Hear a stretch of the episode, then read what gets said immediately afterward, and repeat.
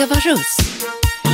Varmt välkomna till mitt direktsända relationsprogram. Idag ska jag prata om relationer till människor som man kanske ibland inte har förstått vilken stor inverkan och påverkan de har haft på ditt liv.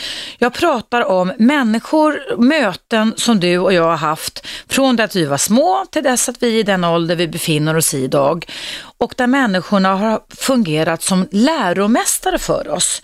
Som kanske efteråt, när åren har gått, vi har fått en insikt om att de faktiskt har väglett oss väldigt mycket i livet.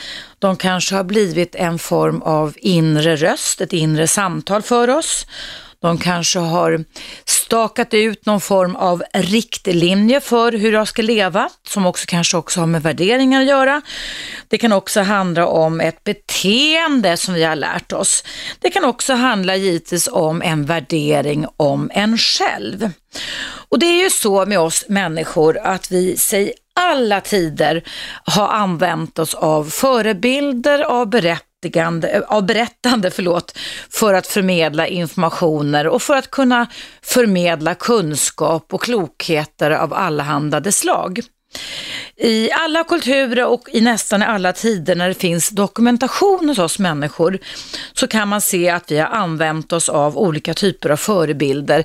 Till exempel genom fabler, till exempel genom sagor, till och med på istiden kunde man se ristningar, grottristningar som berättade och beskrev hur människan bättre skulle kunna eh, få tag i sina byten under jakter och så vidare. Och eh, i generation, mellan generationer så har det i de flesta alla kulturer, även fast det verkar som kanske att i alla fall i västvärlden och inte minst i Sverige, för börja tappa det lite, det kanske vi inte gör, jag hoppas inte det, så har ju alltid den äldre generationen, alltså far och morföräldrar på olika sätt, när de har haft möjlighet att kunna relatera till sina barnbarn och barnbarnsbarn, haft möjligheten till att kunna ha och kunna ta den uppgiften att man kan förmedla klokheter, vägledning, inre röster, sanningar, deras upplevelser, deras erfarenheter, deras kunskaper.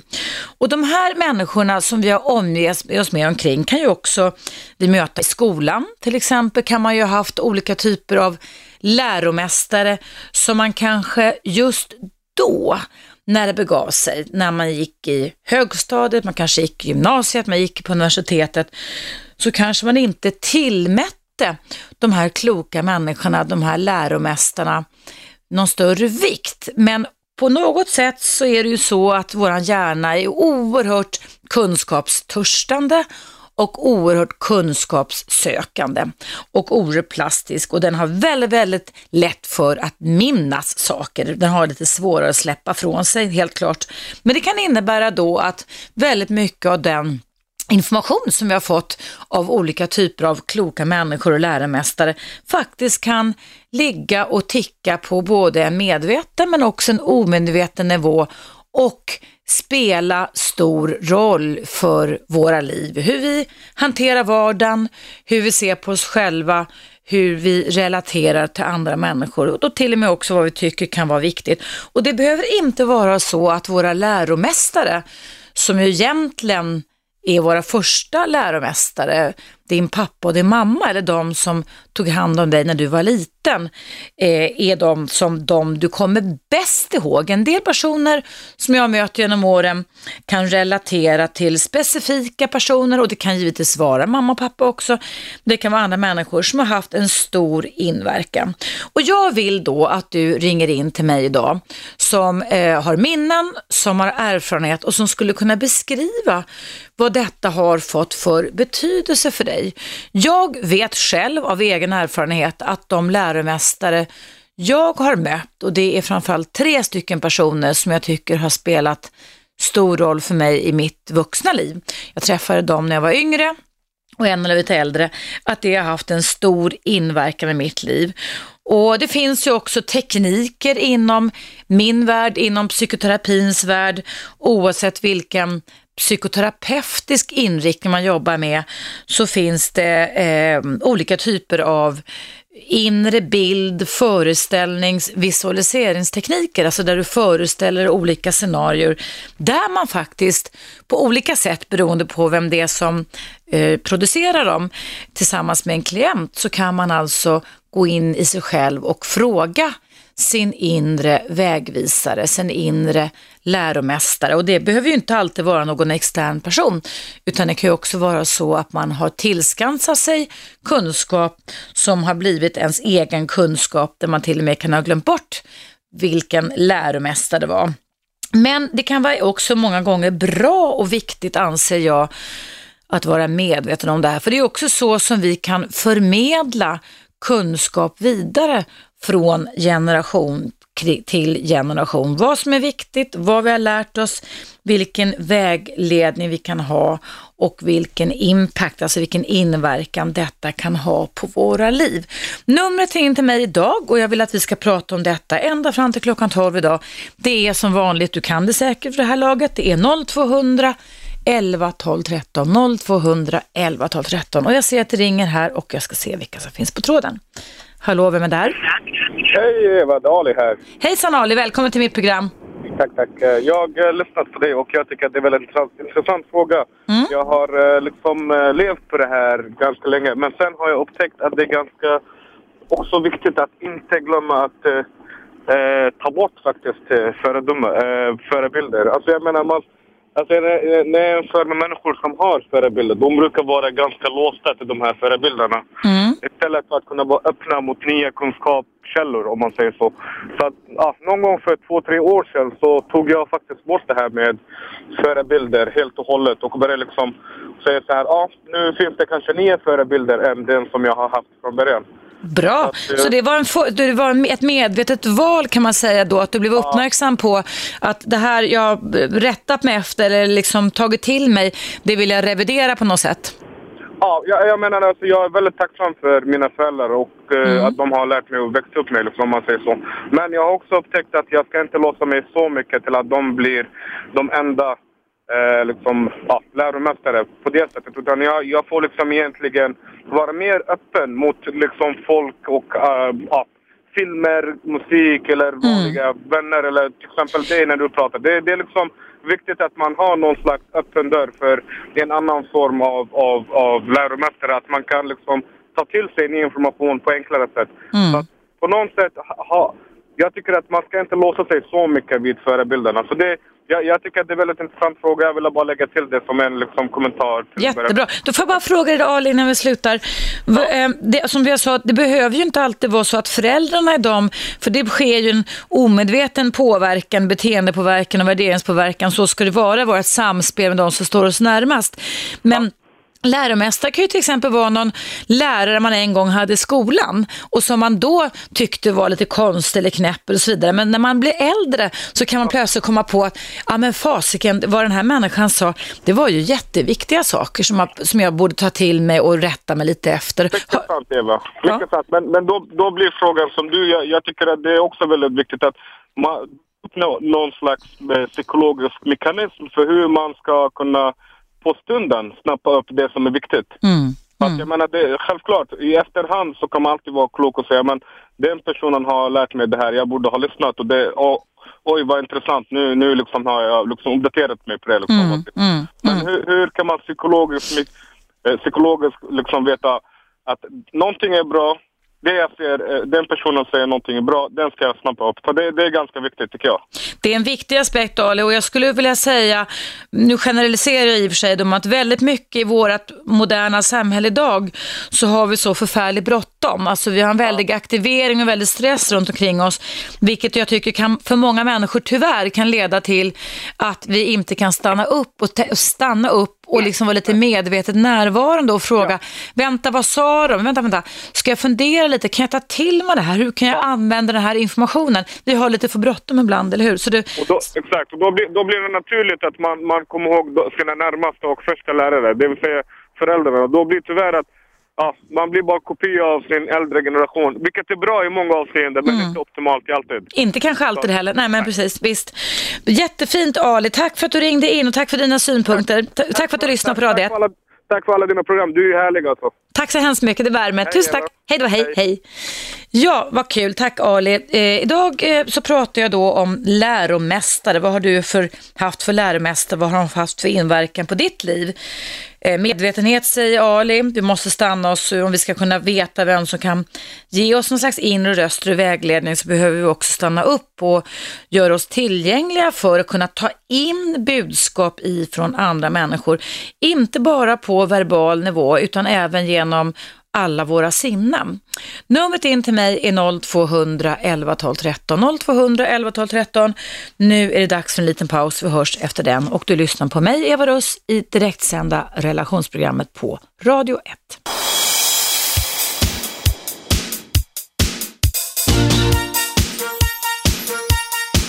Radio 1. Eva Russ.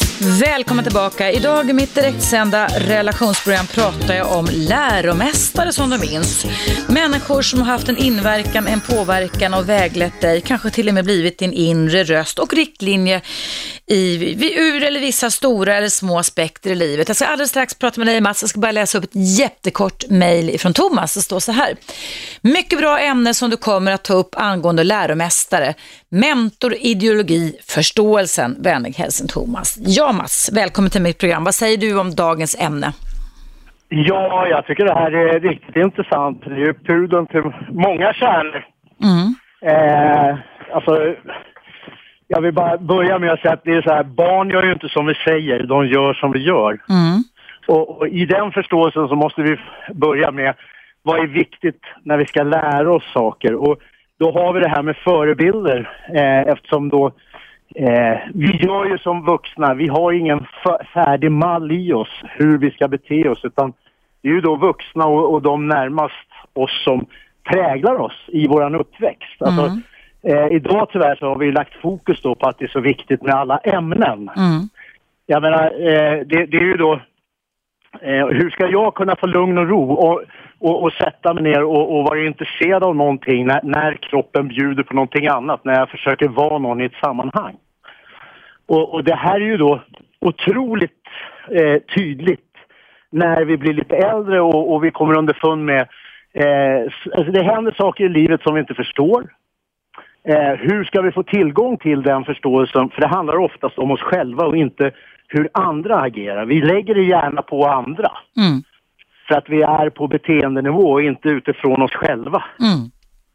och det som är. Och den här inre rösten, det är utifrån eh, det här. Vi har ju tagit bort förebilder i Sverige eftersom, alltså den killen du hade in förra veckan som hade skrivit den här boken i torsdags tror jag. Ja, just det. Christian Sörli Ekström, ja. Ja, och, och det där är ju grunden alltså till allt lärande, hur vi tar till oss saker och ting. Det är ju vad, vad människor runt omkring oss gör oss, våra förebilder. Och våra föräldrar är våra första förebilder. Mm. Och, och därför är det otroligt viktigt att ha tillgång till det, för att det är ingenting vi läser oss till sen. För hur får vi läs skrivförståelse utan Du, referens? du, Mats, du berättade att du jobbade med människor som led av psykisk ohälsa. Förstod jag det rätt? Absolut. Ja. Ja, ja. Vad, vad, vad har du för erfarenheter? Du verkar ha en ganska bred erfarenhet av det här Mats. Vad, hur deras läromästare kan ha sett ut? Ja, det är ju det som är det vanligaste, att det, det, är bristen på läromästare utifrån att, att vi utgår ifrån att vi ska kunna snappa upp allting själva. Mm. Alltså det är så vi lär oss genom att ja, ja, det där kan du få tillgång till sen. Men det, det är ju liksom det, är det som är så otroligt viktigt i unga år.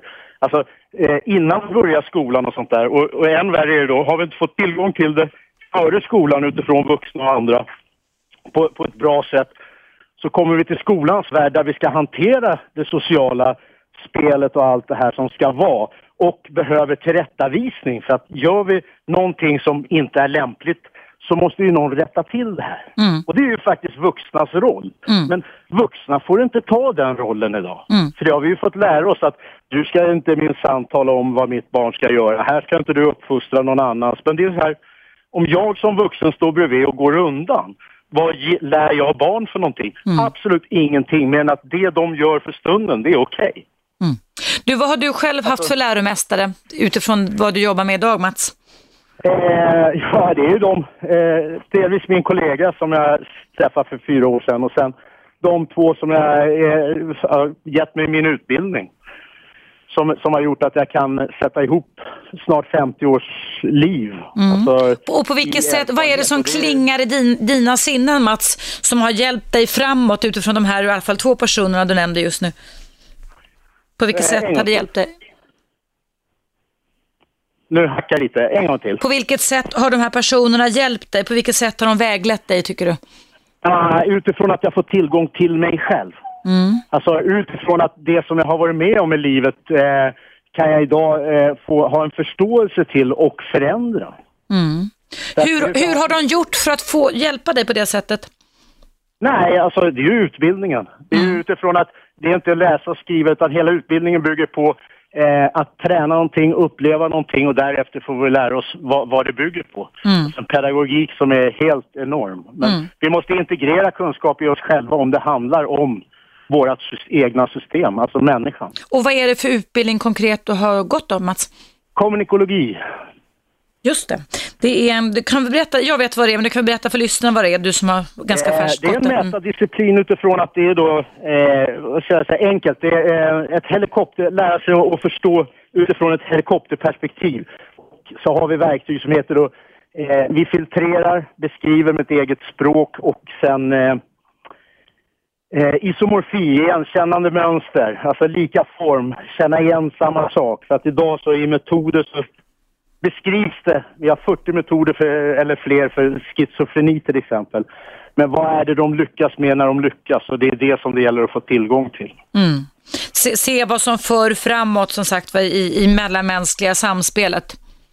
Ja, alltså precis. Förståelsen, hur vi människor fungerar systemiskt. Alltså det är ju systemisk hjärnforskning mm. som ligger till grund för det här. Mm. Det är ju, NLP är ju då en av grundpelarna i det Jonas Trulls arbete då. Psykosociala biten. Det är ju ett, det är ett helhetstänkande mm. utifrån vad är våra mänskliga behov? Mm. Hur får vi dem tillgodosedda och, och, och, när har vi behovet av dem? Men jag tänker, du som jobbar då med psykisk, människor som lider av psykisk ohälsa, de har ju i alla fall som jag ser det, Mats, haft läromästare som har, precis som Gert var inne på när han introducerade mig här idag i studion, människor som har haft en dålig inverkan, lärt dem fel saker, hur de ska se på sig själva och hantera sin egen självkänsla, sitt eget värde gentemot andra. Ja, och, och, och där har du igen då utifrån, vad är Alltså, vi begär idag av människor, vuxna människor, att de ska kunna mer än vad de själva har fått lära sig. Mm.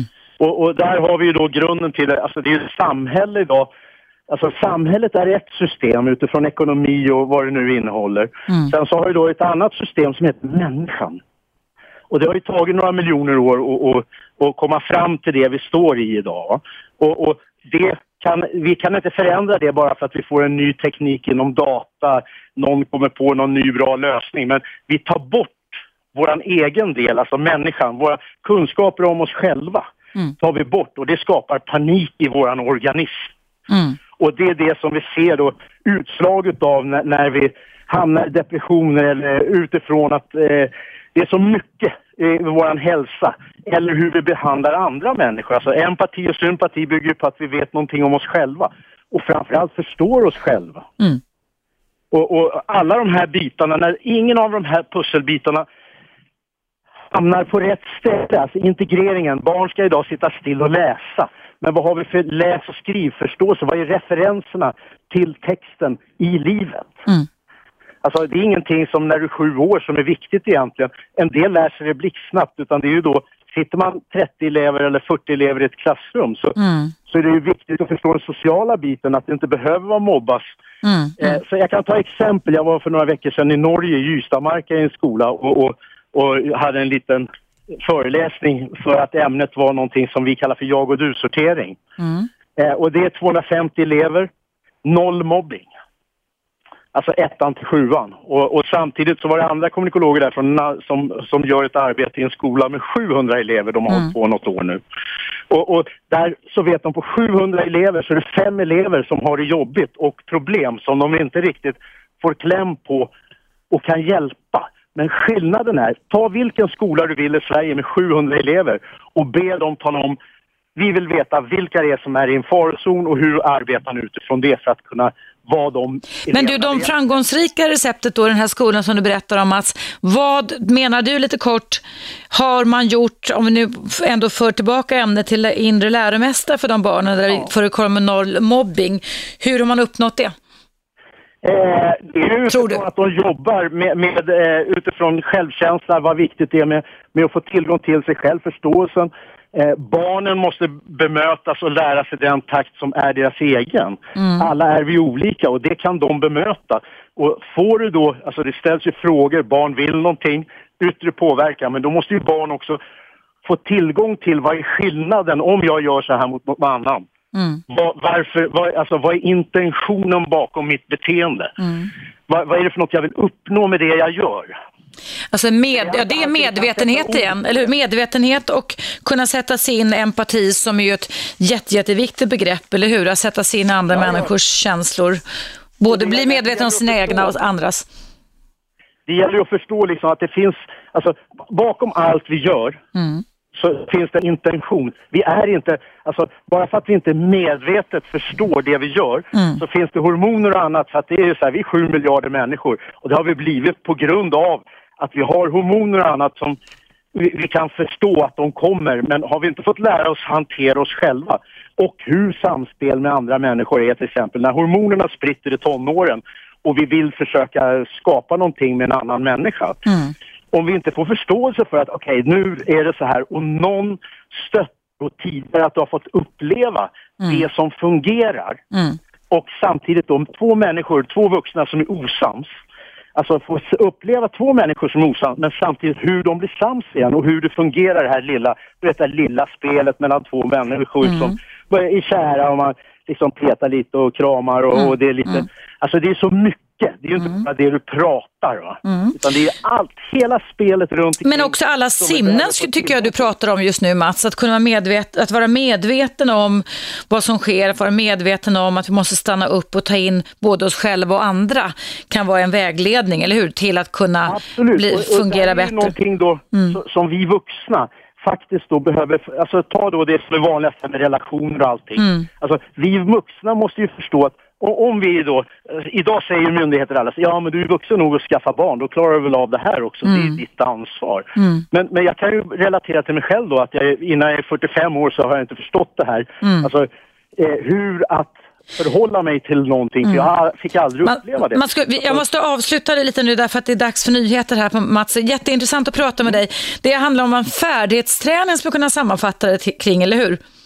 Absolut, och Mm. du måste börja stötta unga föräldrar på väg in i, i livet så Just att de det. kan Mm. ge sina barn rätt saker. Underbart. Där börjar läromästarperioden som man kunna säga. Du, tack så jättemycket för att du lyssnade på oss och tack för att du ringde in Mats. Tusen tack. Tack själv för Tack. ett jättebra program. Ja, ha det tack. bra! Hej då, hej, hej. Ja, tack Mats en gång. Nu är det dags för nyheter på Radio 1.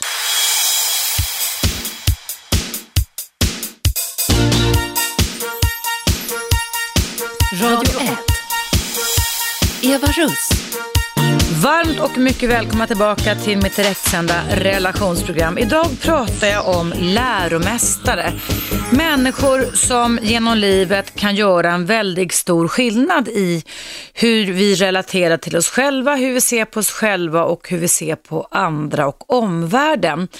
Vad har du för erfarenheter av läromästare? Det behöver ju inte vara våra första läromästare, våra föräldrar eller de som stod oss närmast som har gjort mest inverkan. Det kan ju vara lärare i skolan, det var, kan, kan vara kloka gamla, det kan vara mor och farföräldrar, det kan vara någon ledare eller chef man har träffat på jobbet som har spelat stor roll. När jag satt och förberedde mig för dagens ämne så gick jag givetvis tillbaka till mig själv och började leta i minnet på vad jag har upplevt för läromästare och då hittade jag tre stycken. Den första eh, var faktiskt en sånglärarinna som hette Birgitta Bergman som jag hade när jag gick i högstadiet i en skola här i Stockholm som såg min talang men så också säkerligen såg mitt väldigt, väldigt dåliga självförtroende och självkänsla som jag hade som barn men som jag givetvis gjorde allt som man gör för att maskera. Hon eh, eh, hjälpte mig, jag fick faktiskt huvudrollen i någon slags musical, det här är ju väldigt länge sedan. där jag fick en coaching av henne till att tro på mig själv, räta på ryggen och sjunga ut. Jag var nämligen duktig på sång den gången i tiden, eller duktig i musik överhuvudtaget. Och det där gjorde faktiskt skillnad. I många, många, många år så klingade hennes ord i mina öron och den här värmen, den här energin och den här tilltron kunde jag och kan nästan fortfarande ibland ta till mig i den stund eh, där jag möjligtvis skulle kunna känna någon form av motgång. Kanske inte mycket, så mycket nu längre, men i alla fall när jag var lite yngre medelålder så kunde jag göra det. Eh, sen hade jag också en idrottslärare när jag gick i gymnasiet, sista året i gymnasiet, som eh, faktiskt coachade mig till att också ännu mer tro på mig själv och realisera mina drömmar. Och det gjorde också ganska stor skillnad för mig eftersom jag hade levt, eller rättare sagt tränat in en bild av mig själv att jag var dålig i gymnastik, det hette det på den tiden, så eh, ändrade det här skillnad och jag fick hjälp till att bli en bra joggerska eller löperska heter det kanske idag då. Och eh, ska, skapade mig faktiskt en tilltro, eh, det spädde på liksom en tilltro till mig själv. Och sen eh, när jag sen då har utbildat mig till såväl psykolog och psykoterapeut så måste man ju gå i en herrans massa timmar för att liksom tömma sin själ, kolla att allting är okej på hjärnkontoret skulle man kunna sammanfatta det med. Och då hade jag en, eh, under de här åren där det var obligatoriskt, man skulle gå ungefär 80 timmar under vardera utbildningen, så 160 timmar har jag genomlyst på bredden och på djupet och på tvären och så vidare och på höjden och då hade jag en psykoterapeut som hette Olof som eh, på ett mycket, mycket fint, nästan lite faderligt sätt eller kanske som en farfar eller morfar, jag hade inte det, de var döda när jag föddes, skulle kunnat coacha mig till att min varseblivning, det jag kände, det jag såg och det jag reagerade på, det var okej. Okay. Det var rätt. Och det där har faktiskt påverkat mig och fått en stor inverkan. För den här senaste läromästaren jag hade, nu var det en 20 år sedan nästan, det gick faktiskt ganska mycket emot eh, de tidigare läromästare, mina föräldrars vägledning som jag hade fått. Så att den här kloka terapeuten Olof blev min nya läromästare med nya inre röst som har gjort stor skillnad i stunder där jag behövt ta fram den här kraften hos mig. Vad har du för erfarenheter av läromästare, alltså människor som genom ditt liv har gjort en stor inverkan på hur du ser på dig själv, relaterat till dig själv, andra och omvärlden? Ring in till mig. Numret är som vanligt 0200 12 13. Jag ska läsa upp ett mejl från Tina. Det går ju givetvis också bra att mejla till mig. Det är många som gör det. Mejladressen ska jag repetera här. Den är eva radio 1 gmail.com. Och då skriver Tina så här. Hej Eva, vilket härligt ämne du tar upp idag. Jag arbetar med positiv psykologi och vill tipsa om en intervention som passar bra i detta sammanhang. Intervention kan jag säga då, det är ett sånt här ord som vi som är lite experter använder oss av. Det är alltså att man gör en sak tillsammans, man fattar ett beslut, man verkställer någonting. Och då fortsätter Tina så här, att skriva ett tacksamhetsbrev till någon som på något sätt påverkat ens liv för att sätta ord på känslor och tankar. Man väljer sen själv om man vill posta brevet eller inte. Men själva interventionen, alltså handlingen, ökar välmåendet och gör att man lättare ser nyckelpersoner i ens liv. Många kramar Tina. Tack så jättemycket Tina. Det var en jättefint verktyg som du förmedlade. Tusen tack. Det är alltid så roligt att ni lyssnare också hjälper till med nya verktyg för alla andra som lyssnar och även för mig ska jag säga. Nu ska vi se vilka som jag har på tråden just nu. Hallå, vem är där? Det var ingen där. Då får du ringa om numret till 0200 11 12 13. Jag talar alltså om läromästare, människor som du har mött, kontakter, förebilder, figurer som på ett eller annat sätt har haft en inverkan på ditt liv. Eh, du kan givetvis också träffa människor som har haft en dålig inverkan, men idag vill jag prata, precis som Tina mejlade in mig här, om positiv psykologi. Det handlar om att eh, nästan gå tillbaka till a wise mind som kan heta a wise mind. Eh, I indianska kulturer så har man använt sig mycket av visa människor eh, och så. Så det är vad jag eh, vill ta upp med dig om idag. Numret är 0200 11 13. Jag ser att det ringer just nu. Jag ska sätta på pausknappen här, men du som ringer mig, lägg inte på så ska jag höra vad du vill prata med mig om i pausen som kommer här.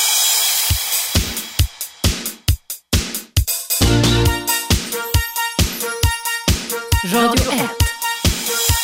Eva Russ. Varmt välkomna tillbaka ska ni vara. I dagens direktsända relationsprogram pratar jag om läromästare som du minns. Människor som du har mött genom åren som har gjort en skillnad faktiskt i hur du relaterar till dig själv, andra och omvärlden. Och eh, jag har många som ringer här. Jag ska börja prata med Susanne. Hallå Susanne, välkommen. Hej, hej, tack. Be- Berätta vad du har upplevt kring detta kring läromästare. Ja, det, här, det är för ungefär åtta år sedan jag har varit uppe i Stockholm. Jag bor i Skåne, det hörs säkerligen. Mm. Eh, och eh, varit några dagar, haft mycket jobb, var jätte, jätte, jättetrött. Eh, hamnade vid sidan av en man i 75-årsåldern som jag aldrig har träffat i mitt liv och han började prata med mig. Och jag var så trött så jag orkade egentligen inte prata. Så jag hade ett sånt här litet stilla samtal inom mig själv att antingen så säger du till den här mannen att du är jättetrött och tar din tubblur som du brukar göra den här timmen eller så får du faktiskt lyssna. V- var detta på flyget Susanne? Jag hann inte uppfatta det. Okej, flyget jo, det ner var till Stockholm. flyget. Mm. Jag satt, eh, och det tar ungefär en timme att åka hem och jag jag verkligen fram emot att få sova den här timmen. Mm. Men som tur var så bestämde jag mig för att jag skulle prata och lyssna på den här mannen och vi- vi pratade hela vägen hem. Och det här visade sig vara en man som hade oerhört mycket att lära.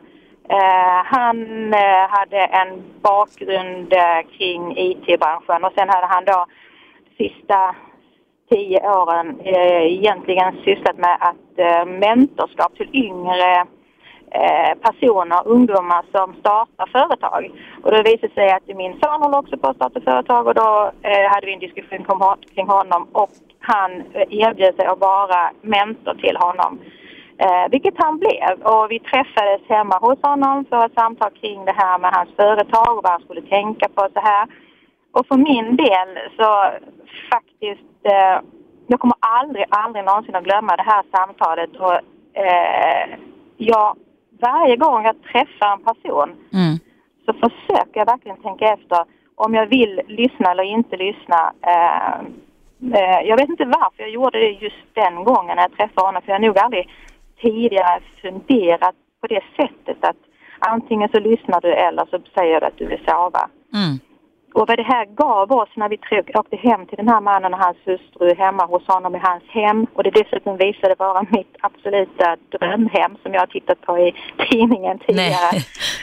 Så, så kände jag att vilken tur att jag gjorde det och jag har använt mig av detta flera gånger sedan dess. Jag liksom har tagit ställning och verkligen lyssna eller inte lyssna när jag träffar människor just på flyget. Det är faktiskt ett Mm. ställe. Du, vad tror du det var? Du var ju trött och jag kan förstå precis känslan det där att man, åh, låt mig få vara fred. Jag måste få bara sjunka ner i sätet eller hur och så är jag snart hemma. Var det någonting specifikt som du tror att den här mannen gjorde som, fick, som fångade er och som fick dig igång, så att säga, er kommunikation? Ja, faktiskt tror jag det. Eh, det han var väldigt eh, lugn och eh, jag tror hade han varit på liksom så hade jag stängt av och eh, bestämt mig för att nej, jag vill inte prata, jag vill sova istället. Mm. Och det kändes nästan lite grann när vi började prata. Jag kommer faktiskt inte ihåg vad vi, vad han, det var han som inledde samtalet, Mm. vad han började med. Men det var någonting i det här som gjorde att han, när han var lugn och eh, kändes som han hade någonting att berätta och det hade han verkligen. Mm, vad jag är så glad. Ja. Så det, det gynnade inte bara dig utan din familj kan man säga också, din son också som fick en relation och en läromästare och en äldre man som hade erfarenheter. Du, han, eh, han har han som mentor nu i sitt, eh, och har haft de här åtta åren och träffat och mejlat honom och får hela tiden tips och feedback. Åh, vad härligt. Helt eh, kostnadsfritt. Åh, vad, ja, men det är fantastiskt. Ja. Det, det var roligt att höra Susanne. Ja. Fantastiskt, vilken fin historia du hade att berätta. Ja, tack. Tack så hemskt mycket för att du ville vara med i mitt program och berätta det. Ha en jättebra dag. Hej då. Detsamma. Hej. Hej. Hej. Ja, jag pratar alltså, tack Susanne, om läromästare man minns och det är många som ringer och nu har vi en kär vän till mig, Ingvar, min före detta chef på tråden. Hallå Ingvar!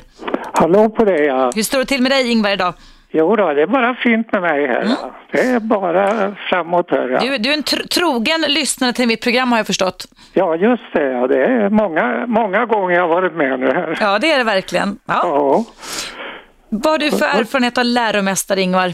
Ja hördu, du jobbar ju hos mig då på ett ställe som heter Försvarets rationaliseringsinstitut. Och innan det så, så när jag gick på Militärhögskolan då, en- för länge, länge sedan här.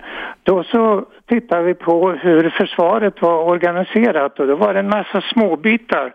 Alltså det var ju en, ett eh, 50-75-tal olika förband och ett eh, förband var ju ganska mycket folk. På, på ett, eh, till exempel infanteriet så var det kanske tusen personer som utbildades där. Och det var alltså 100 miljoners företag. Och alla de där företagen de leddes då genom att man skickade ner småbitar ifrån de centrala myndigheterna till det här olika stället och talade om vad man skulle göra för någonting. Och det betyder det att de hade kanske ett hundratal olika eh, uppgifter som de skulle lösa alltså. Li- lite virrigt och förvirrat. Och då, vad har det med läromästare att göra, Ingvar? Då? Ja, då, då så såg vi till alltså att man utvecklade ett, ett system där man eh, fick tag i helheten och försökte att beskriva vad är det för mål som man ska genomföra dels högt uppe på systemet och dels ner på ett regemente till exempel här. Och då så ordnar vi till ett system där man, där man såg till att folk fick ett anslag istället för att man fick hundra stycken tidigare. Alltså här. Och då fick man eh, så småningom ett nytt chefssätt att se på helheten alltså. Man fick alltså reda på exakt vad man skulle göra för någonting. Alltså hur såg målet ut? Och då var man nu inne på en måluppfyllnad. Hur mycket fick detta kosta totalt? Och vad blev det för konsekvenser utav detta? Och då redo- redovisade man alltihopa detta i, i eh, form av krigsförband som man åstadkom Fast, fast Ingvar, vänta lite. under utbildningen. Eh, eh, Jag, jag tycker kanske att du kommer lite bort ifrån ämnet, även om jag förstår vad du vill berätta. På vilket sätt jag, jag tänkte mer kanske på dig. Vad har du Ja. för erfarenhet? Du har ju levt ett långt liv av Ja. läromästare som har varit viktiga för dig, tänker jag. Vad, vad, vad, Jo det, jo, det viktigaste här är där jag lärde mig en förskräcklig massa hur man skulle göra och läste in en massa saker och for sen till Amerika. Och eh, lärde mig där på en stor skola hur man skulle genomföra hela eh, ett sånt här system utav något slag. Det var det som var det viktiga i sammanhanget. Och när jag kom tillbaka hit till, till Sverige så skrev jag och, och en som heter Bengt Sjöberg en bok som hette då Nya ledningsmetoder i försvaret. ja. Och det var alltså en helhet som det rörde sig om här i, det här sammanhanget. Så man kan säga att ni blev, du och Bengt Sjöberg blev läromästare också. Men du, kortfattat bara Ingvar, vad är det då i era bud, vad, eller var det då i ert budskap som gjorde att andra människor tyckte att ni var läromästare? Ja, vi, vi, vi såg ju till alltså att man fick åstadkomma en målbild för, för de här olika förbanden, vad de skulle kunna åstadkomma för någonting. Vad, vad var det för... för Se samma sak och inte se hundra olika bilder som var en splittring alltså. Ja. Exakt, alltså istället för att man samlade ihop det hela centralt i en massa småbitar så såg man till alltså att de lokala cheferna fick eh, ett ansvar för att genomföra det här arbetet som skulle göras där.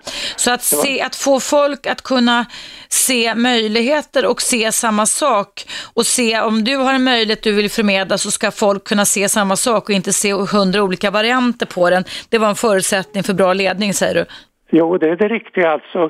Och eh, vi såg alltså till att det var inte småbitar utan det var helheter som man, som man åstadkom då i det här sammanhanget. Det kanske är det som läromästare förmedlar genom historien också, inte bara jobbet tänker Ingvar, att man förmedlar nya visioner och nya målbilder för människor. Jo, det är alldeles riktigt alltså. Det är det som ligger med i bilden alltså. Och det tog ju ja, 10-20 år att försöka genomföra de här delarna. Mm. Och samtidigt så skedde ju då förändringar, det lades ner förband och det ändrades Mm, och eh, det blev en massa nya saker i bilden här. mm. Och så försökte man då samtidigt att behålla de här idéerna som man då försökte få fram Mm. genom det här systemet. Och läromästare, vi måste avbryta nu Ingvar, men läromästarmetoden inom försvaret, det var att allting skulle bli till det bättre, eller hur?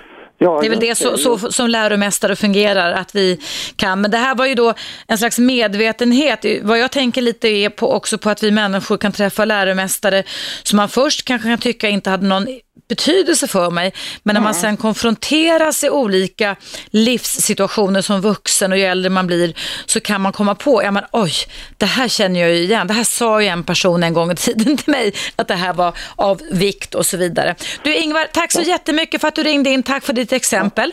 Vi måste ta... Ja, tack. Vi måste ta lite nyheter alldeles strax här. Jag heter Eva Rust och det är direktsänt relationsprogram. Du som lyssnar är varmt välkommen att vara med mig ända fram till klockan 12 idag. Eh, jag pratar idag om läromästare man minns, alltså människor, precis som Ingvar sa här nu, som kan ha förmåga till att samla ihop människors tankar till olika målbilder och visioner. Kanske man ska kunna säga att det handlar om möjlighetstänkande, eh, förutsägelser, visioner, eh, att man banar väg för andra människors tankar. Eh, vi möter ju människor, vi står ju alltid i relation till andra människor och det är ju lätt hänt som många av er som har ringt in och säger att man inte har tid, vi har inte ork, vi känner oss stressade, vi har inte ork och tid och lust och, på grund av stress att ta in vad andra människor förmedla för budskap till oss.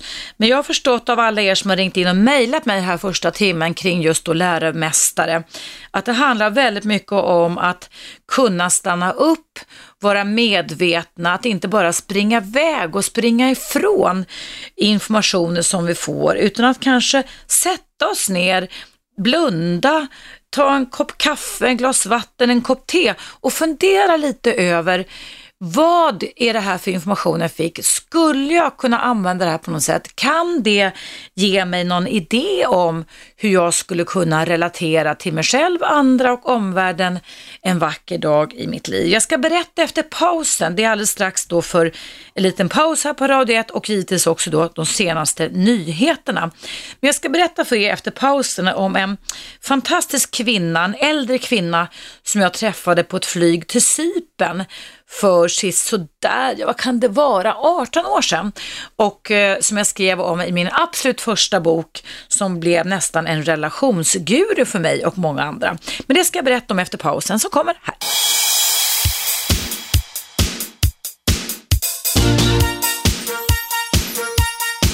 Radio 1. Eva Russ.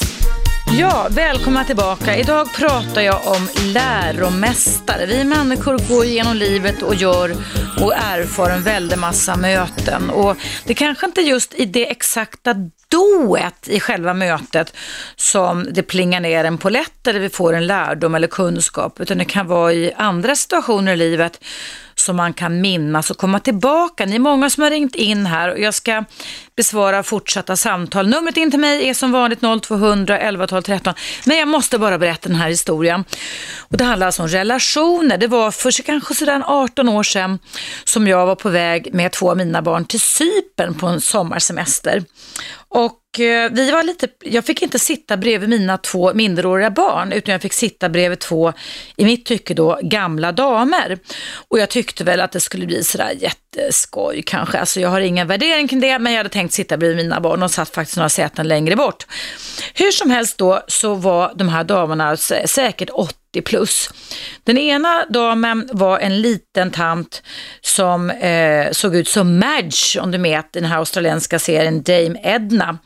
Och den andra damen var ganska kraftig tant. Hon såg inte ut som Dame Edna, men de var ganska mycket motsatser till varandra. Och hur som helst så började de beställa in champagne och de bjöd mig på champagne och plötsligt så tyckte jag att det var lite kul att sitta bredvid dem. Men hur som helst så slog vi oss i slang. Det var ju en ganska hyfsat lång flygresa till Cypern från Stockholm och vi började prata. Och det var liksom en sån, de var två väninnor som skulle åka ner på semester och det var en väldig skillnad på liksom sättet eller attityden kan man säga som de var på. Och den här lite kraftigare kvinnan då började berätta sitt livs historia.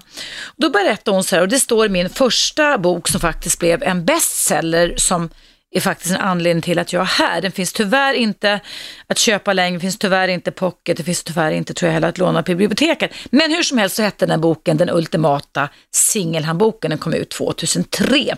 Och hur som helst då så ledde det då till att jag skrev den här historien i den boken. Och det handlade om att den här äldre kvinnan på flyget till Cypern berättar då om sitt livs relationsliv. Hon berättar då för mig kortfattat att hon var gift i många år tills hon var ungefär 40-45 med en man som hon skaffade barn med som inte var snäll mot henne.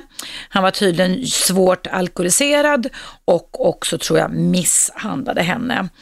Eh, han dog sen och då så var hon singel ett par år och sen när hon var lite typ i min ålder så träffade hon en ny man. Och tyvärr så var detta inte någon man som var någon snäll mot henne heller. Så hon valde att skilja sig från honom när hon var 75 plus.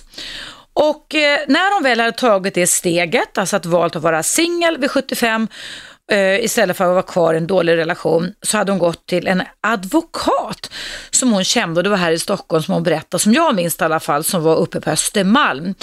Och eh, hon tyckte att det var ett stort steg i sitt liv att, eh, att efter att ha levt liksom med två plågoandar kan man väl säga då, två äkta män, att vid 75 år vara singel och göra slag i saken och leva ensam, vilket många människor inte kanske önskar att man, det ska vara på det sättet. Hur som helst så går den här kvinnan genom Humlegården, jag minns inte vilken årstid det var, och där stöter hon ihop, gissa på vad? Jo, sin första ungdomskärlek som hon alltså inte gifte sig med men som fanns där i faggorna när hon var innan 20 års ålder. De slog sig ner på något café i närheten av Humlegården i Stockholm och började dricka kaffe. Och se det sa klick. Den här mannen var själv då, hade varit med i äktenskapets djungel, han var själv enkling och det ledde sen till att de slog sig samman och gifte sig. Och den här kvinnan gifte sig vid 80 och fick då ett relationsliv. Hon var, visade sig vara 85 eller 86 när vi satt på flyget. Nu var hon änka en gång till. Men hon sa det att det var de bästa åren i hennes liv. Sen berättade hon om sin kompis som då hon enligt henne då, den här väninnan sa hon tyckte var en väldigt eh, eh, bit bitter, ledsen eh, väninna som har varit änka i 30 år och som inte hade kunnat gå vidare i livet. Och när jag då såg skillnaden på de här två äldre damerna som satt bredvid mig på flyget och såg den här styrkan, den här energin i den här äldre damen som alltså var 85 plus och hennes väninna som någonstans såg bitter ut, inte verkade, man kan nästan se det på kroppsspråk i alla fall om man är tränad som jag, har det så roligt så blev det så upp uppenbart för mig, och det här var 18 år sedan, var hur viktigt det är hur vi ser på alla händelser i livet och hur vi ser till att att vi inte tillåter kanske att vissa människor sätter punkt för våra liv utan att det aldrig är för sent att skapa oss nya livsbetingelser och skapa oss nya möjligheter och inte minst relationer.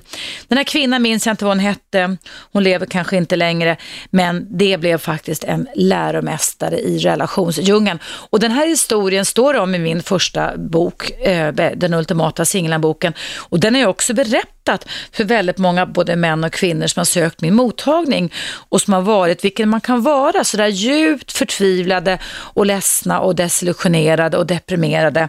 Och, och, och budskapet den ifrån den här kvinnan som blev min läromästare på planet till Cypern, det var givetvis det att det är aldrig för sent. Det kan alltid vara så att du stöter på nya möjligheter och nya människor i livet och också nya relationer. Så ge inte upp. Nu ska vi se vem som finns på tråden. Hallå, vem är där? Nej, då får du ringa en gång till då. Det handlar om läromästare man har mött och numret det kanske jag ska repetera också. Rakt in i studion här på Radio 1 där frekvensen är 101,9 och där telefonnumret är, jag säger det långsamt, det är 0211 12 13. 0200 11 12 13. Nu ska vi se om jag kan få tag på någon inringare här. Hallå, vem är där? Hallå, vem är där? Hallå? Hallå, det är Jari här. Jag vill inte prata med dig idag. Hej Jari. Jag, det, är ingen idé att du ringer mig längre. Jag tycker du beter dig dumt och oförskämt och därför så vill inte jag ha dig i mitt program just nu. I alla fall inte något mer heller. Du får ringa någon annan eller helt enkelt ta hand om dig själv på något annat sätt. Ja, kära lyssnare, eh, det handlar om läromästare i livet som kan vara en vägledning, som kan skapa upp möjligheter, som faktiskt kan få oss att räta på ryggen, få oss att återerövra väldigt mycket av det som kan ha med självbild, förväntningar, förutsättningar att göra. Våra förutsättningar på hur vi ser på oss själva och livet kan faktiskt förändras när man möter en person som har tilltro till en. Jag vet till exempel att i min släkt så är vi många pedagoger, vi kan man säga då en gammal lärarsläkt. Och eh, min kära mamma, så var en väldigt, väldigt populär högstadie och speciallärare när hon var aktiv. Eh, och hon tog sig an väldigt många man kan kalla det så, problembarn, där både skolan och föräldrar och, och samhället kanske hade tappat tilltron till dem. Och jag vet att i de här barnen i vuxen ålder, när de var 40-45 och min mamma var pensionerad, tacksamt ringde henne och hörde av sig när hon fyllde år och så vidare och tackade att hon då hade varit deras läromästare. En sån person som hade guidat dem, sått frön, fått dem till att få en ökad tilltro till sig själva i livet så att de kunde få redskap att kunna gå vidare stärkta med nya förebilder i livet. Nu ska vi se, nu ringer det väldigt många här ska vi se. Vi sen ska se vem som finns på tråden här. Hallå, vem är där? Då var det ingen. Hallå, vem är där? Hallå? Hej, hej, hej Helena. Hej Helena, välkommen till mitt program. Hej, hej.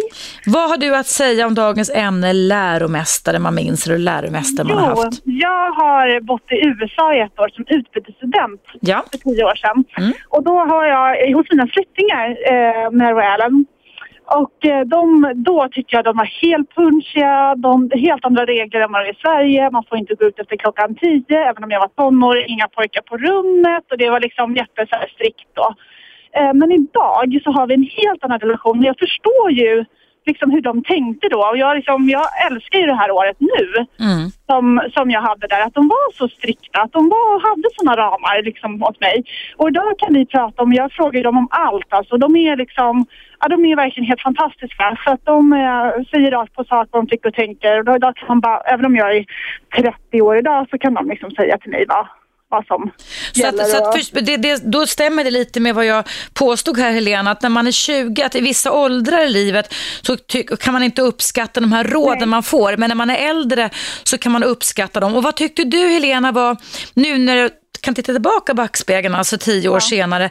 Vad tyckte du var så bra? Alltså, vad gav det dig för andra budskap, deras beteenden och omtanke kring dig då, som du upplevde som förbud då förstås? Alltså de liksom bryr sig. Mm att de, liksom, de, de menar inget illa när de är liksom, att de inte vill att man ska vara ute. De är liksom, ja men det är USA, det är liksom en, en småstad i, i, USA. Det finns mycket mer vapen där än det finns i Stockholm idag liksom. Mm. Och bu, de hittar på massa bus liksom. Jag tyckte det var jätteskoj. Alltså att vara ute med de här med mina kompisar. Men de, de visste ju vad det kan få för konsekvenser och det fattade inte jag då. Man är ju så jävla ung. Man mm. tror att man kan allt men mm. det kan man ju mm. verkligen inte. Du, kan, du, uh, kan, du, kan du idag se när du är 30 år ung, Helena, mm. hur du kan använda den här kunskapen framförallt om att de brydde sig om det och att de inte hade några onda avsikter om jag ska summera vad du sa just nu? Ja, speciellt när man har barn själv. Mm. Så vet man ju liksom om det. Att, alltså det är, ramar och kramar, det är bra. Liksom. Ja. uh, Och eh, nu kan jag ju ifrågasätta lite grann hur de gjorde det här. Ibland så kanske de var lite väl hårda. Men jag vet att det fanns ju liksom en kärleksfull baktanke här mm. hela tiden. Mm. Och hellre det att de sätter en ram för mycket så att man inte hamnar i trubbel än att eh, än att eh, liksom man, man... Jag fick lite lösa tyglar och då gick mina betyg i botten. Liksom. Mm. Och då, sen så var det bara, men då, då klarade du inte av att att eh, ha så lösa tyglar. Då stramade vi åt dem ordentligt och fan, jag fick MVG liksom. Det var ju helt underbart. Så tydliga ramar, regler och även vissa typer av inhibitioner, alltså vissa saker du inte fick göra kan du nu tio år sedan tycka var riktigt bra? Ja, av nytta för dig? Jag över hos vissa kompisar som kanske inte var helt hundra. Mm. Liksom, mm. Som de eh, så dåliga vibbar utav. Och som förälder då, så hellre att man liksom går på de här dåliga vibbarna än att man liksom låter dem Jag tror att man tackar de föräldrarna sen när, man, när man blir äldre. Och det här, jag pratar med mina, jag kallar dem för amerikanska föräldrar idag, om min, mitt barns uppfostran. Och det är, självklart så finns det saker som inte jag tycker är helt okej där. Men de, de tror till exempel på smisk, liksom. Att de, man kan ge små barn en slapp på rumpen och det tror jag inte jag på. Nej. Men, eh, men däremot så, det här, eh, de, de, de, de, har de har sina ramar på ett sånt kärleksfullt sätt oftast. Liksom. Men du, har, du, har du återfört till dina amerikanska föräldrar vilken nytta du ändå upplevde att du Ja. fick av det här? Du har gjort det? Ja. Ja, det har jag. Och jag säger att jag ångrar mycket som jag gjorde när jag var i den åldern, när jag var där nere. Och hur att jag inte liksom var mer tacksam mot dem. Men, Mm. Nej, de men det är livet. det är liksom- så är livet. ju. Ja visst, det är livet och du var ung och så vidare. Du Helena, vad roligt att höra detta exempel. Nu måste jag dock avbryta vårt samtal för det är dags för en liten paus här igen. Tack så jättemycket för att du ringde in och tack för att du lyssnade på Radio 1. Tack så mycket. Hej då. Hej då, hej. Det är dags för en liten paus och efter pausen fortsätter vi att prata om läromästare. Precis som Helena berättade om så kanske man inte uppskattade dem när man var ung. Nu är fortfarande, du är ung Helena, är 30 år ung bara, men som sagt, man kan när man blir lite äldre se tillbaka backspegeln och inse att nej, det där var inte så tokigt det heller. Ring in 0200 11 12 13. Vi hörs efter pausen så kommer här.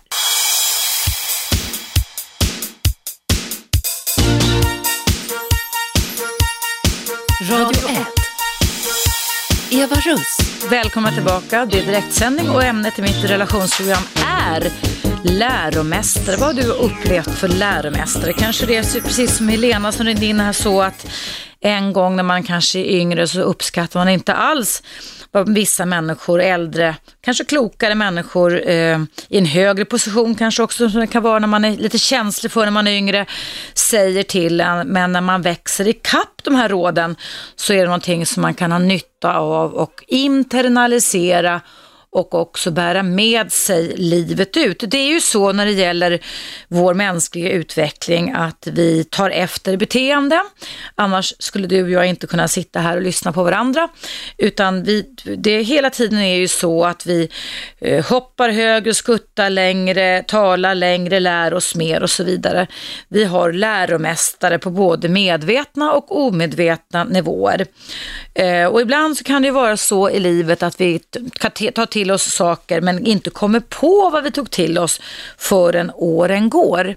Och läromästare kan ju vara en lärare i skolan som man själv tyckte kanske var heldryg och jättejobbig och jätte förnumstig, om man nu kan använda det ordet, men som man sen kanske 10, 15, 20 år senare kan relatera till i sitt känslomässiga minne, i sitt episodiska minnessystem och då faktiskt uppskatta och komma på att ja, det där var ju inte så tokigt det där som jag hörde.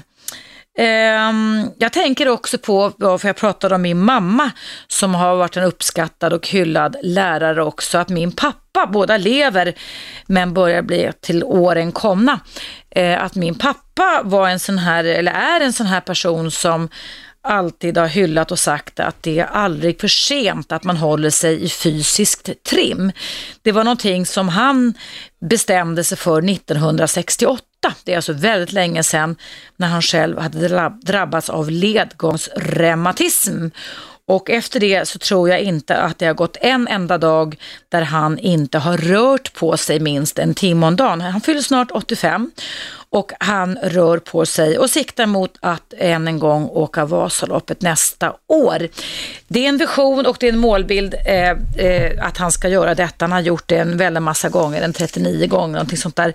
Men det är det här att det är aldrig för sent att ge upp och att man aldrig är för gammal tycker jag, för att hålla sig i trim. Det är ju någonting som en del människor ibland tror när det gäller den fysiska kapaciteten, att man vid en viss ålder måste lägga ner det där. Eh, tvärtom så säger ju all vetenskap den att eh, det handlar ju faktiskt om att hålla både kroppen och själen i trim till the bitter end. Det är aldrig för sent. Det finns ju till och med, om man nu kommer in på den aspekten, läromästare som visar att eh, om man är 80 plus och börjar gå regelbundet på gymmet runt om i världen och tränar styrka, lätt styrketräning tre dagar i veckan så får man tillbaka muskelmassan igen. Så vi pratar alltså om färskvara. Det vore väl häftigt om man träffade eh, seniorklubbar som var ute och motionerade tillsammans. I USA kan man göra det, men det kanske beror på till de områden jag åker att det var oftast lite varmare där, att det är lite lättare att ge sig ut och jogga eller gå tillsammans när man är 80 plus, när det är varmare ute än vad det är här med både mörker och kyla. Nåväl, idag handlar ämnet om läromästare man minns. Vad har du för erfarenhet av det här? Vilken inverkan i ditt liv har det gjort för dig? Ring in till mig, numret är 0200 11 12 13 och nu ska jag ta några samtal här. Hallå, vem är där? Hallå? Ja, vänta ska jag stänga av Ja, vad fint. Ja. Du, du eh, Hej, vad heter du? Maj-Britt. Hej Maj-Britt, vi har bra. vid förut tror jag. Ja, det har vi. Jag hörde, känner igen rösten. Hur står det till med dig idag då? Ja, det mår, jag mår aldrig bra. Så när du sa att man ska röra på sig, Mm. då funderar jag, hur gör man när man har fått fibromyalgi? För det forskas inte på det, för det är mest kvinnor Mm. efter menstruationen i regel. Mm. Hur gör du då för att röra på dig? Ja, jag går inne, jag går nästan aldrig ut. Nej. Är det bra eller dåligt tror du? Det är inte så bra, jag ska gå ner för några trappor. Jag har ju en hiss. Mm. Men den går inte ända ner. Och sen en tung dörr och försöka få på en rollator. Det är knepigt, det, det är förstår så jag. svårt om man får en förkylning som jag har haft, men som nu är på tillbakaväg hoppas jag. Mm, mm, Så jag förstår inte hur man gör. mm. Någon sköterska sa att jag skulle gå med i den där klubben, den halvmiljonersklubben eller vad det heter. Mm. För de hjälper till att forska. Nej, det gör jag inte. Du menar Alexandra Charles klubb, Ja, just det. 1,6 miljonersklubben, den är jättebra, den kan jag rekommendera. Den har många bra uppslag och mycket föreläsningar och mycket event för kvinnor. Ja, men när man inte kan gå ut. Va? Mm. mm, det är knepigare. Men du Maj-Britt, får jag fråga, vad har du haft för erfarenheter av, om vi håller oss till dagens tema lite, nu pratade vi om fysisk, eller jag gjorde det om fysisk aktivitet med, men har du som är erfaren kvinna erfarenhet av läromästare som du har mött i ditt liv, som har fått inverkan på ditt liv? Ja, jag vet inte riktigt vad du menar. Jag menar eh, kloka människor och människor som har varit en förebild, som har gjort inverkan på olika livsbeslut som du har fattat, både gammal som ung.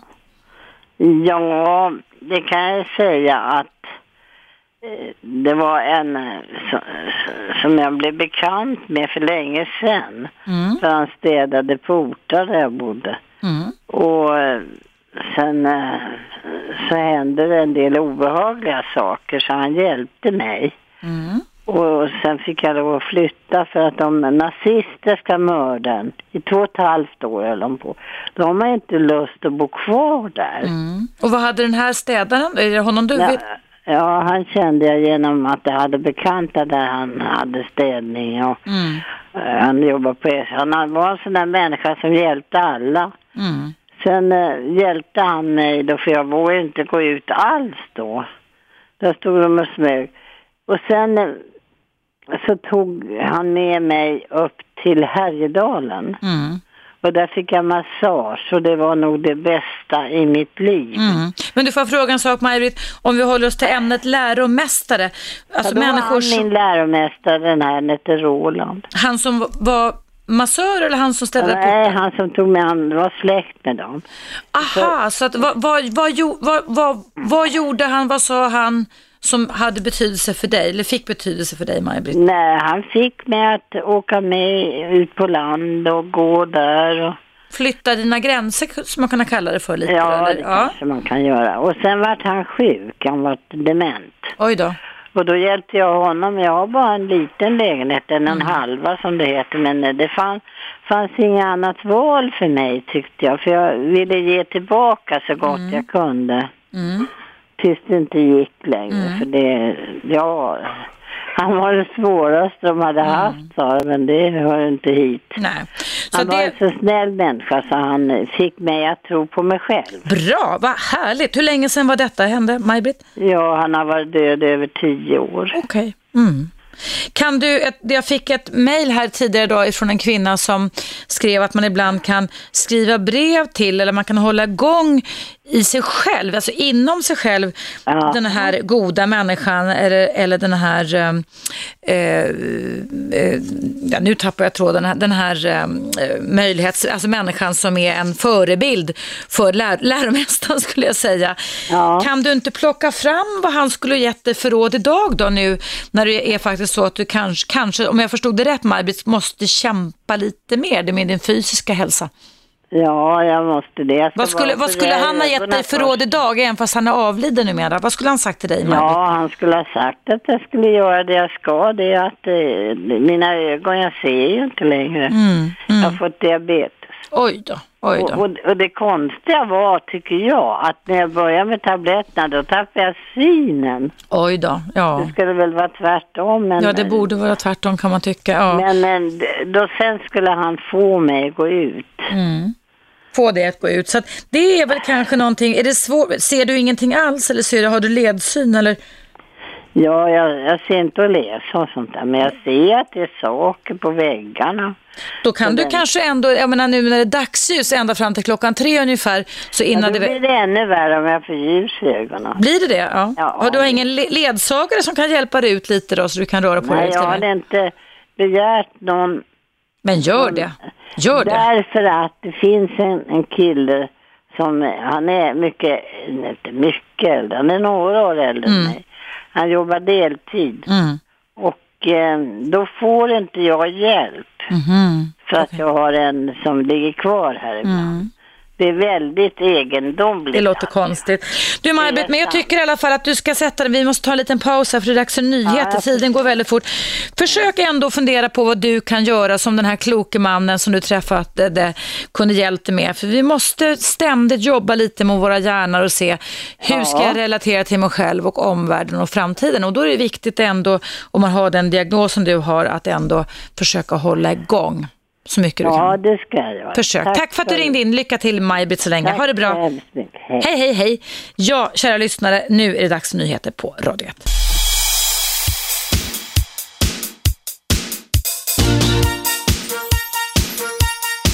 Radio 1. Eva Russ. Varmt välkomna tillbaka ska ni vara. Idag i mitt direktsända relationsprogram talar jag om läromästare. Kloka människor, kloka ord som kanske inte då när vi hörde dem en gång i tiden togs emot så himla klokt av oss. Men i takt med att vi blir äldre så kanske vi kan ha en väldig nytta och vägledning och även praktisk nytta och erfarenhet av vad andra människor har sagt och gjort eller hur vi ska relatera till oss själva och omvärlden. Och eh, jag har Mats på tråden. Hallå Mats! Ja, hej. Hej, välkommen till mitt program. Berätta vad du har för erfarenhet av läromästare. Jo, det är väl, jag var väl en sån här strulig unge, så att säga. Typ eh, ADHD-varning när jag gick i skolan. Det var ju på eh, 70-talet, så det fanns ju inte då. Mm. Eh, och eh, jag gick i fjärde klass och var väldigt strulig. Mm. Och hade en klassföreståndare som var tuff och hård. En äldre tant som hette Margit Davidsson i Norrköping. Mm. Eh, och eh, då finns en, fanns en skola i Norrköping som heter Pilen kallas den för, Pilska skolan. Vad, heter den, så, en, vad sa du en gång till att den hette? Pi, pilen, Pi, Pilska pilen, skolan. Pilska skolan, ja. kallas det, ja. Eh, som alla sådana som jag hamnade på, struliga ungar. Lite obsklass alltså nästan som det hette då. Ja. Klassvarning och, och så här. då. Men eh, sen var vi på ett möte och eh, de andra lärarna ville ha mig bort. Mm. Men eh, hon sig upp och sa det. Nej, aldrig att ni tar honom från min klass. Jag vet att han kan bara han vill. Och eh, det där har följt med mig. Och eh, i skolan också efter det Mm. till och med. Att eh, då var det helt plötsligt var någon som trodde på mig. Jag har bara fått skit genom hela skolan i stort sett. Och sen var det helt plötsligt någon som trodde på mig. Mm. Och eh, då började man ju lyssna. Och det var fjärde, femte, sjätte där. Och det är i stort sett allt jag lärt mig, det lärde jag mig där nästan. Vad häftigt. Men, eh, vad, gjorde i du för, alla- vad, vad tycker du att du gjorde för skillnad i ditt liv? Att Margit, din lär, gamla lärare, sa han kan bara han vill. Kan du ge något konkret exempel på hur du har fått kunna stötta dig mot det med åren, Mats? Ja, när jag ska ta körkort. Jag, jag är dyslektisk till exempel. Då. Mm. Men jag har jobbat bort det med hjälp av henne. Då. Och hennes, eh, ja, hon hjälpte mig mycket. Eh, och eh, just det här med bara det här att man har det i huvudet. Jag kan bara jag vill. Mm. Att man har det som ett litet mantra för sig själv. Koppla på den där rösten när det är jobbigt. Mm. Att nej, fasen jag ger inte upp. Jag kan bara jag vill. Mm. Och det, liksom vad var Margit sa, lever hon fortfarande, vet du det? Ja, nej, jag, nej, jag tror nog inte det. Nej. Jag är 50 och, och nej, det, nej, jag tror inte Mm. Mm. Så att, men det är, det är en sån här grej som har följt med mig. Sen har man ju haft mentorer i olika åldrar. Mm. Det, är liksom, det behöver inte vara någon man känner, det kan ju vara någon man ser på tv. Fotbollsspelare som är förebilder och, och popidoler, vad man nu hade för någonting. Eh, det kunde ju också petas in i olika fack där att man, de har ju väldigt stor betydelse för Mm. unga, i alla fall tonåren ju. Oh ja, oh ja. Och eh, de har ett jäkligt stort ansvar, våra kära kändisar. Mm. Så att, eh, men men just Margit Davidsson där, hon var ju, hon har betytt jättemycket för mig. Vad härligt. Så kan det fortfarande vara så nu när du är 50 att du kan plocka fram hennes ord och tilltro till, om dig i Ja. vissa situationer? Ja, men det är grejer som jag ställs inför som, som jag är väldigt osäker på om jag kan klara av. Mm. Och då, då, då har jag det här, att jo, fan jag kan. Jag kan bara jag vill. Underbart, vad roligt att höra. Tack så jättemycket Mats Ja. för dessa ord och tack för att du hade Margit som trodde på dig också. Det, det, där ser man skillnaden va? För vad hade, man kan ju ibland tänka lite så här, vad hade hänt om Margit, din lärare, inte hade sagt så här och stått upp för dig då? Ja, då hade jag åkt därifrån och då har jag ju hamnat i fel sällskap garanterat. Jag var en sån person. Mm. Det var en sån hårfin skillnad mellan att Ja. tro på och inte tro på dig kan man säga. Ja. Mm. Ja. Ja, det gäller verkligen att man har människor som kan göra det. Men dina föräldrar då, trodde de på dig när du var liten?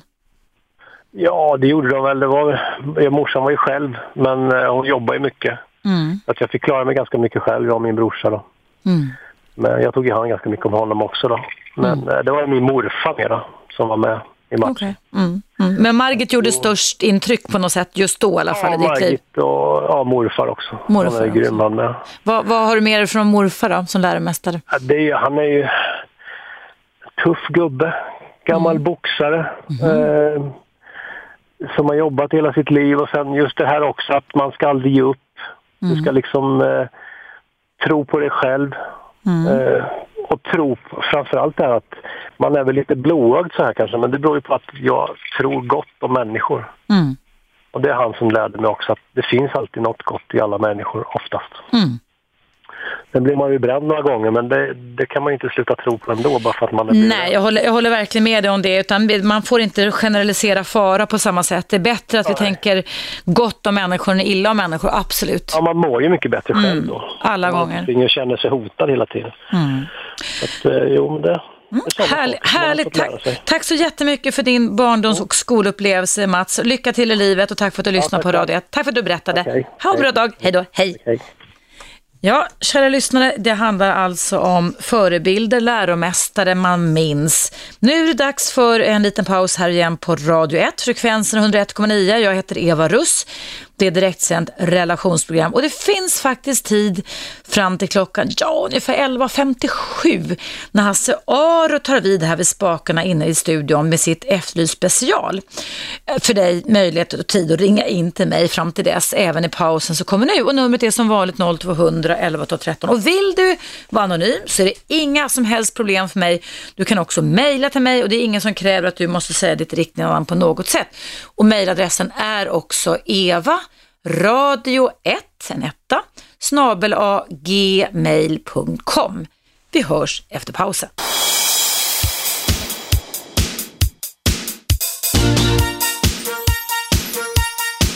Radio Eva Russ. Välkomna tillbaka. Idag pratar jag om läromästare du minns och läromästare man minns. Vi ska inte förringa betydelsen och inverkan av andra människor vi möter genom livet i olika situationer som ger en inverkan, och påverkan, och vägledning, en inre röst som kan forma våra tankar, känslor och beteenden i olika skeenden i livet. Eh, jag ska prata med Susanne. Hallå Susanne! Ja, hejsan. Hej, välkommen. Vad har du för erfarenheter av vikten av läromästare i ditt liv, Susanne? Ja, jag hade turen och, och förmånen att när jag var väldigt ung började jobba på ett bokförlag där den eh, mannen som var reklamchef då såg mina eh, förutsättningar eller vad jag kunde vara bra på. Så han blev som en mentor för mig kan man säga. Hur gammal var du då sen? Ja, då var jag kanske i 20-årsåldern någonting. Och gav mig alla möjliga tokiga uppdrag och eh, regissera omslag och hålla på med.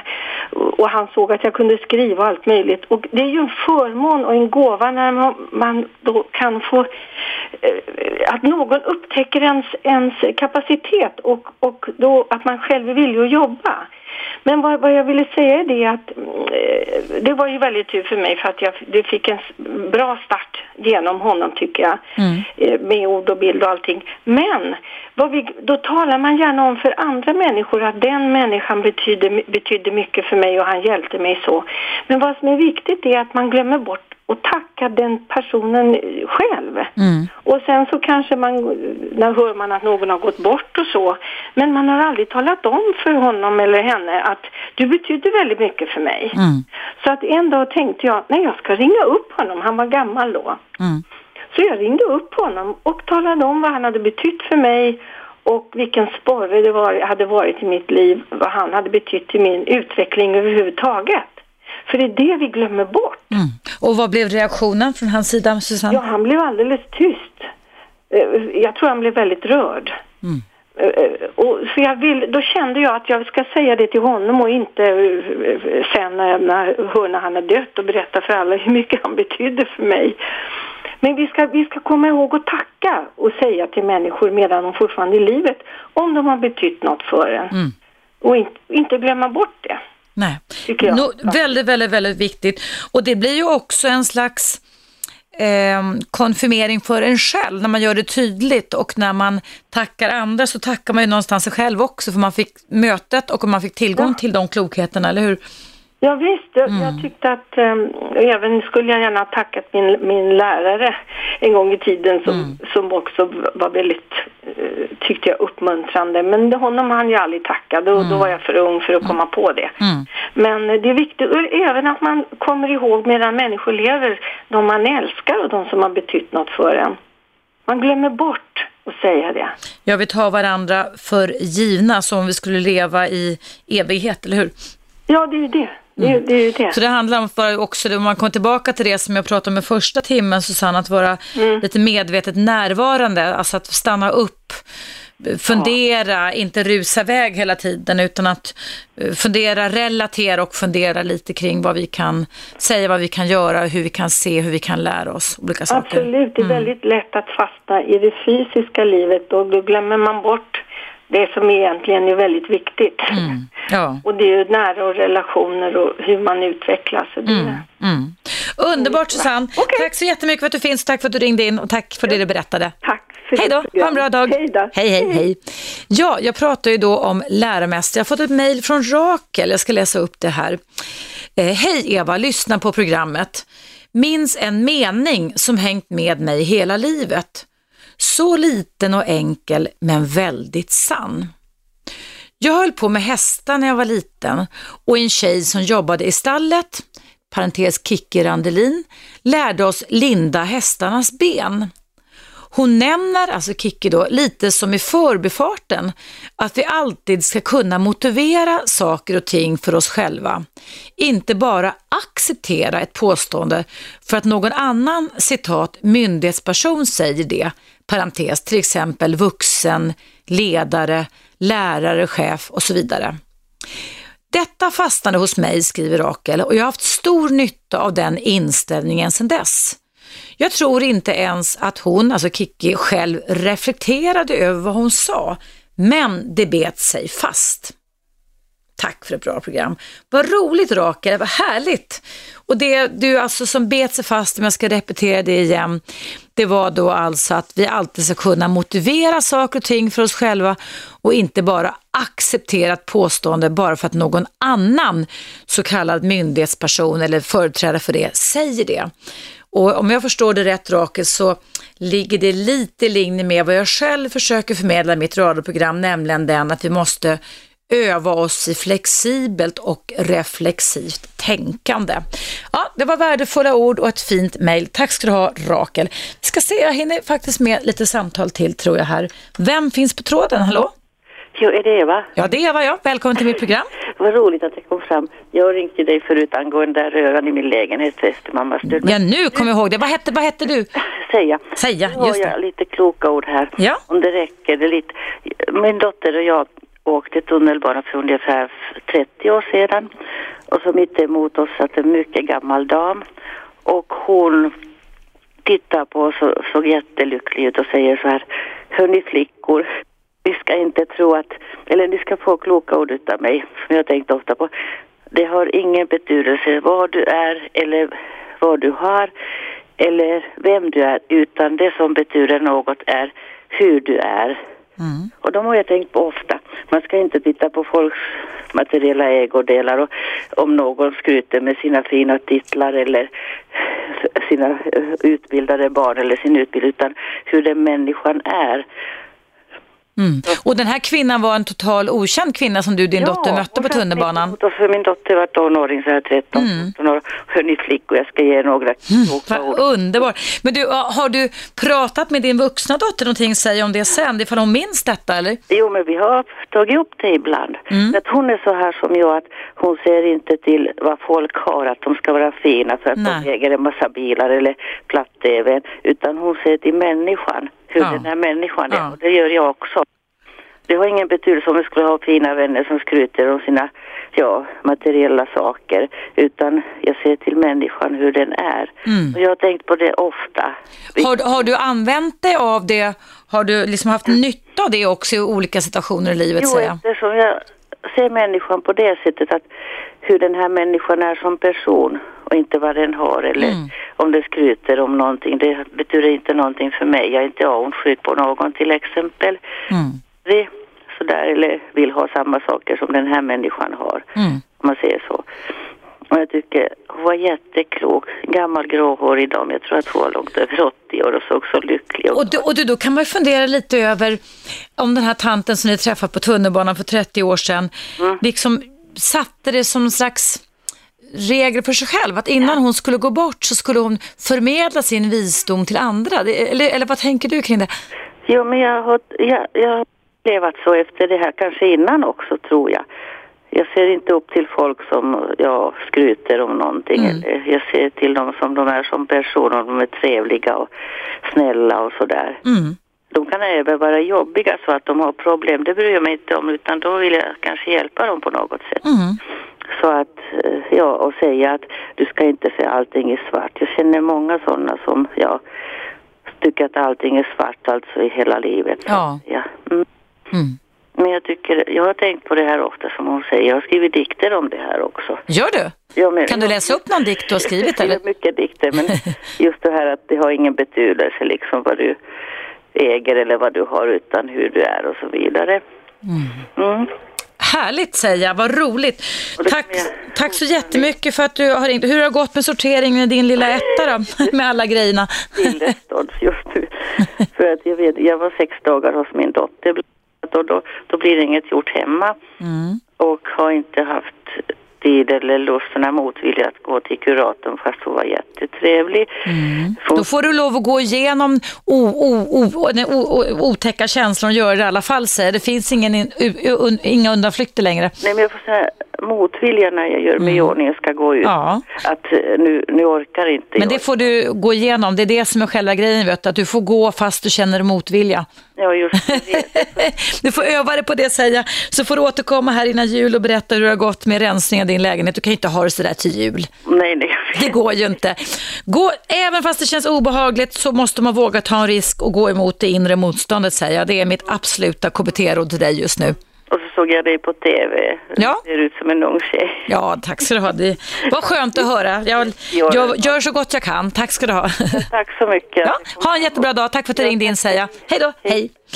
Ja, kära lyssnare, då är det faktiskt dags för mig att eh, börja avrunda det här programmet. Jag tar inte emot fler samtal. Jag vill tacka alla er som har ringt in till mig, alla ni som har mejlat till mig.